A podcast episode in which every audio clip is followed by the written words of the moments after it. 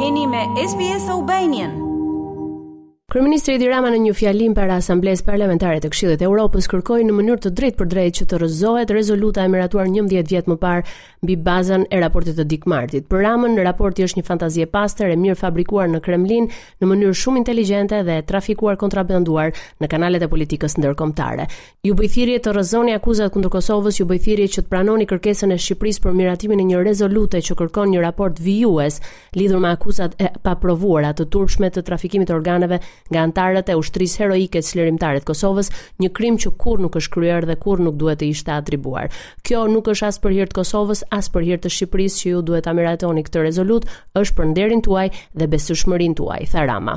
Ai e krahasoi ish-presidentin Hashim Thaçi me presidentin ukrainas Volodymyr Zelensky. Kryeministri Rama ftoi asamblenë që të njohë Kosovën me emrin e saj real dhe ta pranojë atë si një shtet të pavarur. Për sa i përket qëndrimeve të shumta në asamblenë përfaqësuesve serb, rumun, grek dhe zvicerian për fjalimin e mbajtur, Rama në deklaratat për mediat i cilësoi normale. Pas paraqitjes së kërkesës zyrtare të Shqipërisë për rishikimin e rezolutës së miratuar për raportin e Dick Martit, Asambleja e Këshillit të Evropës pritet të shqyrtojë sesionin e janarit të vitit të ardhshëm këtë gjë.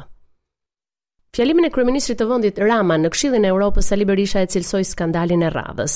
Nga Vau i Dejës, ku u takua me mbështetës të Partisë Demokratike, Berisha bëri përgjegjës kreun e qeverisë edhe për burgosjen e ish presidentit Kosovës Hashim Thaçi.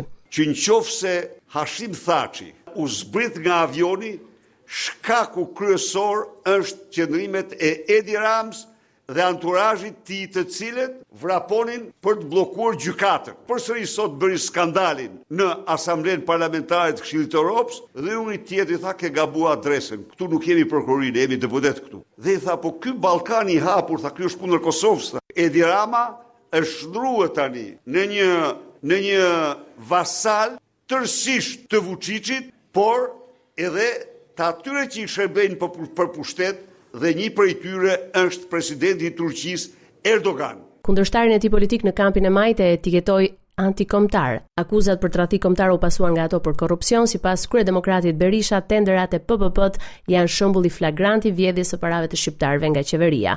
Për të rrëzuar nga pushteti Edi Ramën, atij i duhet bashkimi i frontit opozitar, mision të cilin u zotua se do ta nisë së pari nga familja e tij politike. Dy draftet e qeverisë, ai për dhënien e nënshtetësisë shqiptare investitorëve të huaj dhe amnistia fiskale janë ende në fazën e konsultimeve, ndaj të cilave kërkohet kujdes nga ana e ndërkombëtarëve. Në këtë aspekt, ambasadorja e delegacionit të Bashkimit Evropian në Tiranë, Christiane Hohmann, tha se skemën e dhënies së nënshtetësisë që deri para pak kohësh aplikohej dhe nga vendet e BE-së, këtyre shteteve i është kërkuar që të heqin dorë për shkak të rrezikut që paraqet situata aktuale, duke marrë shkas nga lufta ruse në Ukrainë. Sa i përket pashaportave të arta, zëvendës kryeministrja jonë, Belinda Balluku u shpreh se nisma është ende një draft në konsultim, është marrë si praktikë nga vendet e BE-së, ajo gjithashtu garantoi se për këtë draft do të merren në konsideratë të gjitha gjetjet dhe sugjerimet e bëra në progres raportin e Komisionit Europian. Mbyllja e shkollës Mehmet Akif dhe kopshtit Turgut Ozal është çështje e përfunduar sepse për këto institucione është shprehur drejtësia. Kështu ka thënë ministrja e Arsimit Evis Kushi në parlament. Ajo tha se janë marrë të gjitha masat për transferimin e 159 nxënësve në institucione të tjera. Deputetët e opozitës akuzuan qeverinë se ka marrë vendim politik të ndikuar nga pala turke për shkak se shkolla Mehmet Akif është pjesë e fondacionit Gylistan, ndërsa ministrja e cilësoi një vendimmarrje totalisht administrative. Pas mbledhjes së qeverisë, ministrja e Ekonomisë dhe Financave Delina Ibrahimaj ka bërë të ditur se një ndër vendimet që u mor në këtë mbledhje ka qenë miratimi i projekt buxhetit për 2023-shin, ku theksoi se fokusi do të jetë për përballimin e krizës energjetike. Për projekt buxhetin, i cili prezantohet në detaje në javët në vijim dhe çfarë parashikon ai, ai do të vijojë të mbështesë mosrritjen e çmimit të energjisë elektrike dhe gjithashtu do të vijojë të mbështesë shtresat në nevojë për të afektuar sa më pak buxhet. Për sa i përket amnistisë fiskale, ministrja Ibrahimaj tha se ende nuk ka një datë për miratimin e këtij ligji,